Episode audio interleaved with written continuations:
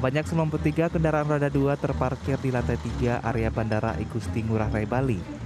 Menurut pengelola bandara, kendaraan paling lama terparkir sejak 2016 dan paling baru berkisar 2 bulan.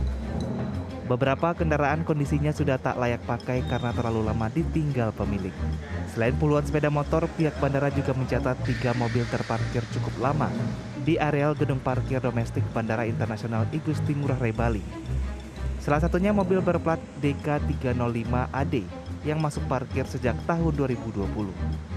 Menurut stakeholder relation manager PT Angkasa Pura I Bandara Internasional Igusti Ngurah Rai Bali, Taufan Yudhistira, bandara tidak melarang parkir inap sejauh memenuhi regulasi yang ada. Pengelola bandara masih menunggu tindak lanjut dari kepolisian bandara untuk memastikan kepemilikan kendaraan. Pengelola memastikan nilai parkir puluhan kendaraan tersebut mencapai dari 100 juta rupiah dan akan terus naik jika tidak diambil pemilik. Masalah boleh menginap atau tidak menginap itu memang tidak tidak tidak secara eh, apa istilahnya tidak secara ofisial kami sampaikan. Yang pasti kalau untuk menginap silakan saja, kalaupun tidak menginap juga tidak apa. Cuma memang tapi memang seandainya mereka harus berhari-hari ya nanti uh, perhitungan tarifnya ter, uh, sesuai dengan regulasi yang ada Pak. Ya, kan yang paling lama itu dari 2016 ya Pak ya.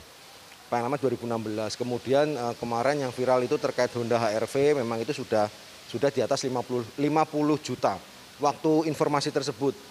Nah, kalau sampai sekarang kan otomatis mereka akan selalu progresif, Pak.